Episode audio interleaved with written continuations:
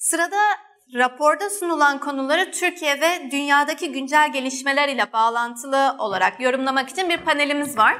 Paneli modere etmesi için Sayın TESEV Araştırma Direktörü Doktor Itır Akdoğan'ı ve değerli panelistlerimizi sahneye davet ediyorum. Ankara Üniversitesi İktisat Bölümünden Sayın Doçent Doktor Emel Memiş Parmaksız, Boğaziçi Üniversitesi Boğaziçi Üniversitesi Fizik Bölümünden Sayın Profesör Doktor Levent Kurnaz, Boğaziçi Üniversitesi'nden Bilgisayar Mühendisliği Bölümünden Sayın Profesör Doktor Cem Say.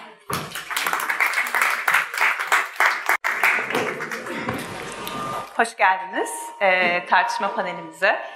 Birleşmiş Milletler 2019 İnsani Gelişme Raporu'nun öne çıkardığı üç konuyla ilgili şimdi çok değerli hocalarımızla e, bir tartışma yapacağız. E, benim adım Atır Akdoğan, Türkiye Ekonomik ve Sosyal Etütler Vakfı'nın araştırma direktörüyüm. E, Sayın e, de aslında üzerinden geçtiği beş ana mesajı vardı. Ben çok hızlıca o mesajı hatırlayalım isterim, o mesajları. Çünkü söylediği gibi bir kısmınız çıkacağı günü hevesle beklerken bir kısmınız uzaktan şöyle bir hani gelişme raporu da yayınlıyor bu UNDP bir bakalım diyor olabilirsiniz. Okuyan okumayan herkesin aklında kalması gereken birkaç fikir var. E, ilki ne yapsak yetişemiyoruz. Bir yerleri yamalarken bir yerler tekrar yırtılmaya devam ediyor ne yazık ki. İkincisi eşitsizlikler dediğimiz zaman bu biraz aileden miras kalan bir şey ve doğduğumuz andan itibaren üst üste aslında biriken çeşitli eşitsizlikler var. Bunun çok farkında olmamız gerekir. Ee, yeni nesil eşitsizlikler var. Ee, hep bildiğimiz e, süre gelen eşitsizlikler üzerine konuşursak e, 2030'dan başlamak üzere daha sonraki gelecekteki hedeflerimize ulaşmamız çok zorlaşabilir. Ee, bir başka söylediğim mesaj e, şu anki ölçme tekniklerimizle tuttuğumuz e, veri türüyle e, tutma tarzıyla e, Ümit Hanım'ın söylediği gibi sadece niceliksel e, veriye e, yaslanarak bir şeyleri değerlendirmeye kalkarsak epey bir yanılabiliriz. E, bu bizi istediğimiz hedeflere ulaştırmakta yine e, önümüze engel koyar. Fakat bu dört mesajın sonunda hala da e, yıkılmadık, ayaktayız. Uçurumun kenarındayız ama daha düşmedik. E, yapabilecek bir sürü şeyimiz var. E, eğer e, aklımızı başımıza, elimizi vicdanımıza koyarsak, Ümit Hanım'ın dediği gibi farklı sektörler bir araya gelip güçlerini birleştirirlerse aslında hala da yapacak şeylerimiz var da hala da uçurumdan düşmedik. Kabaca e, doğru anladıysam rapor bunları söylüyor. E, raporu hazırlayan ekibin, uluslararası ekibin üç tane de derdi var. Bir e, önceki konuşmalarda da söylendi. Yine biraz hatırlayalım. Çünkü tartışmalarımız da şimdi yönlendirecek. E, gelir tek eşitsizlik derdimiz değil. E, yüksek gelirli kişilerin de yaşadıkları ülkelerin tarihi, kültürü, siyasal kültürü çeşitli nedenlerle e, karşılaşabilecekleri eşitsizlikler olabilir. E, özellikle toplumsal cinsiyet eşitliği konusunda Emel Hocam'la e, bu konuyu Türkiye e, turunda konuşacağız. E, ikincisi... E, aslında kolay işte değil gerçekten ekibin yaptığı. Yani 189 ülke, bölge her birinden, e, her birinin farklı kurumları veriyi farklı topluyor, farklı değerlendiriyor. Onları toparlamak ve hepsini e, kıyaslanabilecek tablolara devşirmek bu işi birazcık ucundan bilenler ne kadar dertli bir iş olduğunu bilirler. Yani çıkmış raporu okumak kolay, o hani renkli tablolara bakmak kolay ama o tabloları yapmak aslında çok büyük bir emek ve çok zor bir şey. Ee, onu standartize etmek, kıyaslayabilmek yıllar içinde, ülkeler içinde dolayısıyla da e, ister istemez kendini kısıtlayan bir metod olmak zorunda kalıyor ve o kısıtlandığı zaman da o rakamlar e, aslında her zaman bize gerçeği söyleyemeyebiliyor. E, bu da yine eğer bu tip raporları yazmamızdaki gayemiz e, insani gelişmeyi ilerletmekse o zaman bu gerçekten önümüzde sorun olarak çıkabiliyor. Dolayısıyla ortalamaların ötesinde diye bir derdi de varmış küresel ekibin.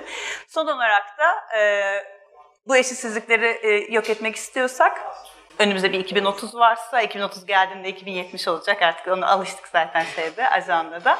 O zaman da e, bugünün eşitsizlik e, tanımlarıyla, eşitsizlik alanlarıyla sadece kendimizi kısıtlamamalı. E, bugünden gelecekte ne tür eşitsizlikler olacağını tahmin edip birazcık onun da önünü almalıyız gibi bir dertle bu raporu yazmışlar. Bütün bunları daha iyi anlamamız, daha iyi kavramamız, belki sahiplenebilmek için farklı sektörlerdeki farklı karar alıcıların e, daha kendi hayatlarına da dokunacak şekilde anlayabilmemiz için bazı konuları özellikle e, ön plana çıkarmış e, rapor. E, biz de şimdi tam da bu konularda uzman üç tane akademisyenle e, bu e, konuları tartışacağız. Bir tanesi toplumsal cinsiyet eşitliği. Ee, bir tanesi iklim, bir tanesi de e, yapay zeka ve e, teknoloji bu alanlardaki eşitsizlikler. Ee, üç tur sorum olacak benim hocalarımıza. Ee, dünya e, seviyesinde başlayacağız. Sonra Türkiye'yi konuşacağız. En son önerilerini alacağız. Daha sonrasında sizler soru sormak için mikrofona erişebileceksiniz. Benim ilk sorum e, toplumsal cinsiyet e, eşitsizlikleri alanında Emel Hoca'ya çok hızlıca e, doçent doktor Emel Memiş Ankara Üniversitesi e, Siyasal Bilgiler Fakültesi İktisat Bölümünde öğretim üyesi e, makroekonomi, toplumsal cinsiyet ve ekonomi alanında e, araştırmalar yürütüyor.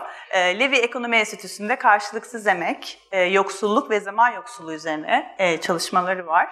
E, Cinsiyet Eşitliği İzleme Derneği ve Kadın Emeği ve İstihdamı girişimi olan KEİK bünyesinde Kadın Emeği Çalışan Feminist Araştırmacılar grubu üyesi. Kendi Ankara'dan geldi. E, bu panel için hoş geldiniz.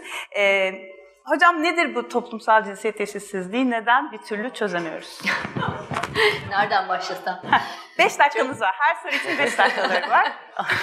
çok teşekkür ediyorum öncelikle davetiniz için. Ee, gerçekten ben, benim çok önemsediğim bir rapor. Her yıl e, Birleşmiş Milletler Kalkınma Programı'nın insani gelişme raporlarını hep takip ederiz. Kadın hareketinin içinde, içinde bulunanlar e, bunun kıymetini bilirler. Ve hep de böyle bir kırılımlar, e, radikal değişiklikler yapar raporda. Dolayısıyla bu yılkini de çok e, beğendim ama elbette e, daha iyisi olur. Her şeyde olduğu gibi. E, o yüzden de bu fırsatı verdiğiniz için teşekkür ediyorum. Böyle bir kitle, gençlerle birlikte olmak çok güzel. Onu söyleyeyim. Herkese sevgiyle selamlıyorum.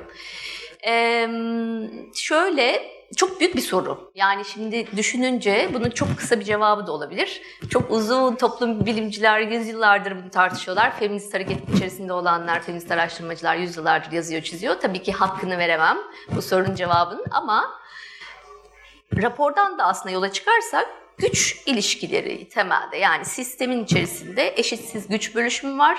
Güçlü olan ne yazık ki e, güç paylaşmak istemiyor. Bu ekonomik güç, siyasi güç, e, politik güç, bilmiyorum bilgi, teknoloji değil mi? Her tür güç bir, bir yani varlığı da bu gücün örtüşüyor kitlelerin bazılarından. Yokluğu da eksikliği de örtüşüyor bazı kitlelerde.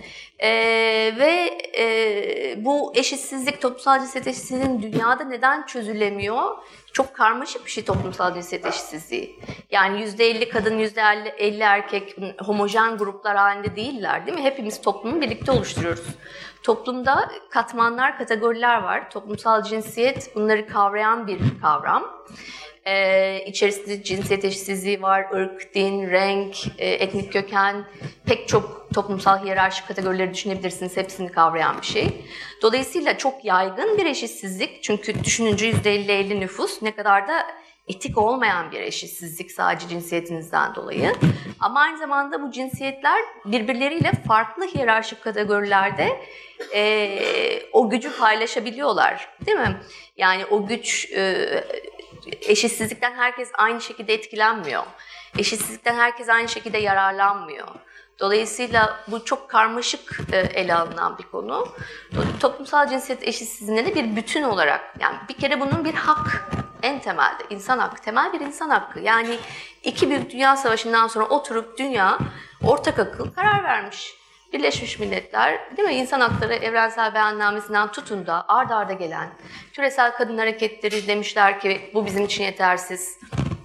Pekin Deklarasyonu, işte SEDAV yani pek çok uluslararası sözleşmeye rağmen e, bu gerçekleşmiyor. Demek ki mesele o toplumsal sistemin yeniden kurgulanmasından çözümlenecek bir şey. Çözümlenememesinin sebebi daha çok burada aslında yatıyor. Bunun altına girebiliriz, daha uzun cevap verebilirim ama şimdilik burada bırakayım. Devam edelim. Dolayısıyla da rapor zaten gelirden öte e, o konulardan biri olarak alıyor. Çok güzel, evet. Güç. Mesela güç dengesizliklerden bahsediyor. Aslında onu biz çok daha açabiliriz. ama ondan bahsetmesini bile önemsiyorum. Mesela gelir eşitsizliğinin ardına gidiyor ve şu anda eğer harekete geçmezsek Gilded Ages, Yaldızlı Çağ daki kadar yani o kadar geriye gittiğimizde gördüğümüz eşitsizliklere geri dönüş olacak diyor. Toplumsal cinsiyet eşitsizliğine bakıyor. Pek çok ülkede aslında geriye gidişler de var diyor. Yani e, çok pembe değil. Sadece bizim için değil, Türkiye için değil. Birçok ülke için geriye gidişler var. E, çünkü mesele çok e, karmaşık.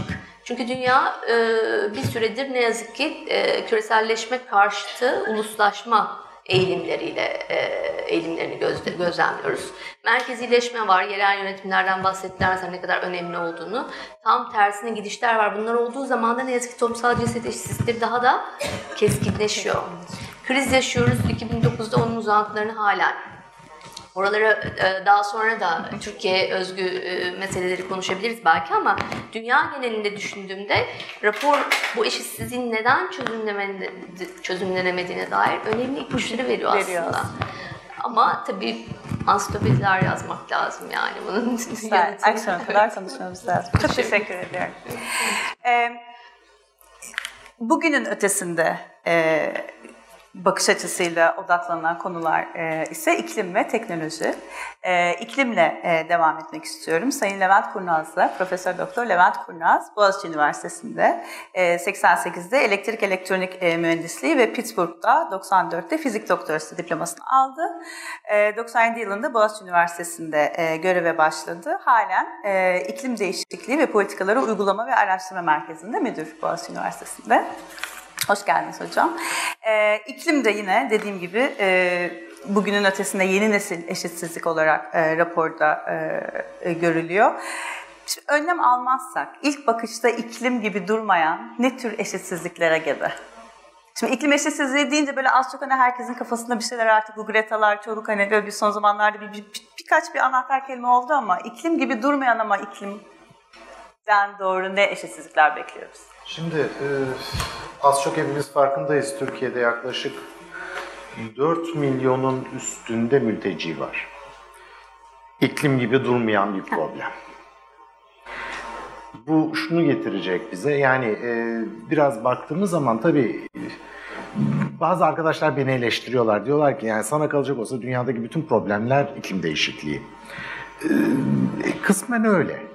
Çünkü hani burada insani gelişme konuşuyoruz, sürdürülebilir kalkınma amaçları konuşuyoruz ama hani bundan 50 sene sonra yaşayacak bir gezegenimiz olmazsa konuştuğumuz şeylerin tamamı çöpe gidecek demektir. Şimdi bir kere öyle ana bir problemimiz var. Şimdi Türkiye'de mesela işte dediğim gibi 4 milyon mülteci var ve bu sorunun başlangıç noktası yani ilk başlangıç noktası çoğunuz hatırlarsınız. Tunus'ta bir seyyar satıcı eve ekmek götüremediği için kendini yaktı. Oradan başladı bütün bu olaylar. Onun da sebebi o noktada baktığımızda çok ağır e, gıda fiyatlarında bir yükselme vardı o noktada. Şimdi bunu biz iklim değişikliği olarak görmüyoruz ama iklim değişikliği yani gıda fiyatları niye yükseliyor? E, baktığımız zaman işte bunun arkasında sorunlar var ve bu hani şu anda yaşadığımız hiçbir şey değil. Çok mutlu günlerden geçiyoruz. Ee, ben liselere gidiyorum, biraz üzülüyorlar, hepiniz öleceksiniz diyorum. Ha oluyorlar ama yani öleceksiniz, yapacak bir şey yok. Hiçbiriniz bu gezegenden sağ çıkmayacaksınız. Ama hepimizin ölümü biraz daha bu iklim değişikliğiyle yaklaşıyor. Çünkü şöyle bir problem var. Mesela e, Bangladeş diye bir ülke var. Bunların e, iki tane komşusu var batısında ve kuzeyinde e, Hindistan var. Doğusunda da Myanmar var. Şimdi Myanmar'la zaten kavgalılar. Ee, Çin'den zaten savaş yapıp ayrıldılar. Şey pardon Hindistan'dan savaş yapıp ayrıldılar. Bizim gibi böyle hoş e, komşuları yok. Ve 2050 yılı civarında bu adamların nüfusunun yaklaşık olarak 170-180 milyonu bulması gerekiyor. Ve tarım alanlarının %60'ını kaybedecekler 2050-2060'da.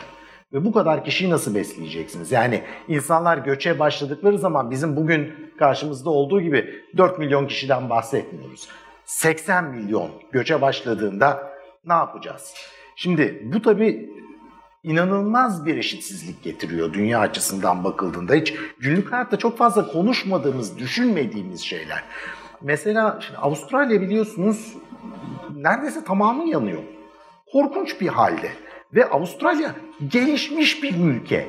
Dolayısıyla bizim şu anda gelişmiş ülke, az gelişmiş ülke artık o kavramlar iklim değişikliğiyle birden tamamen çöpe atılmış durumda.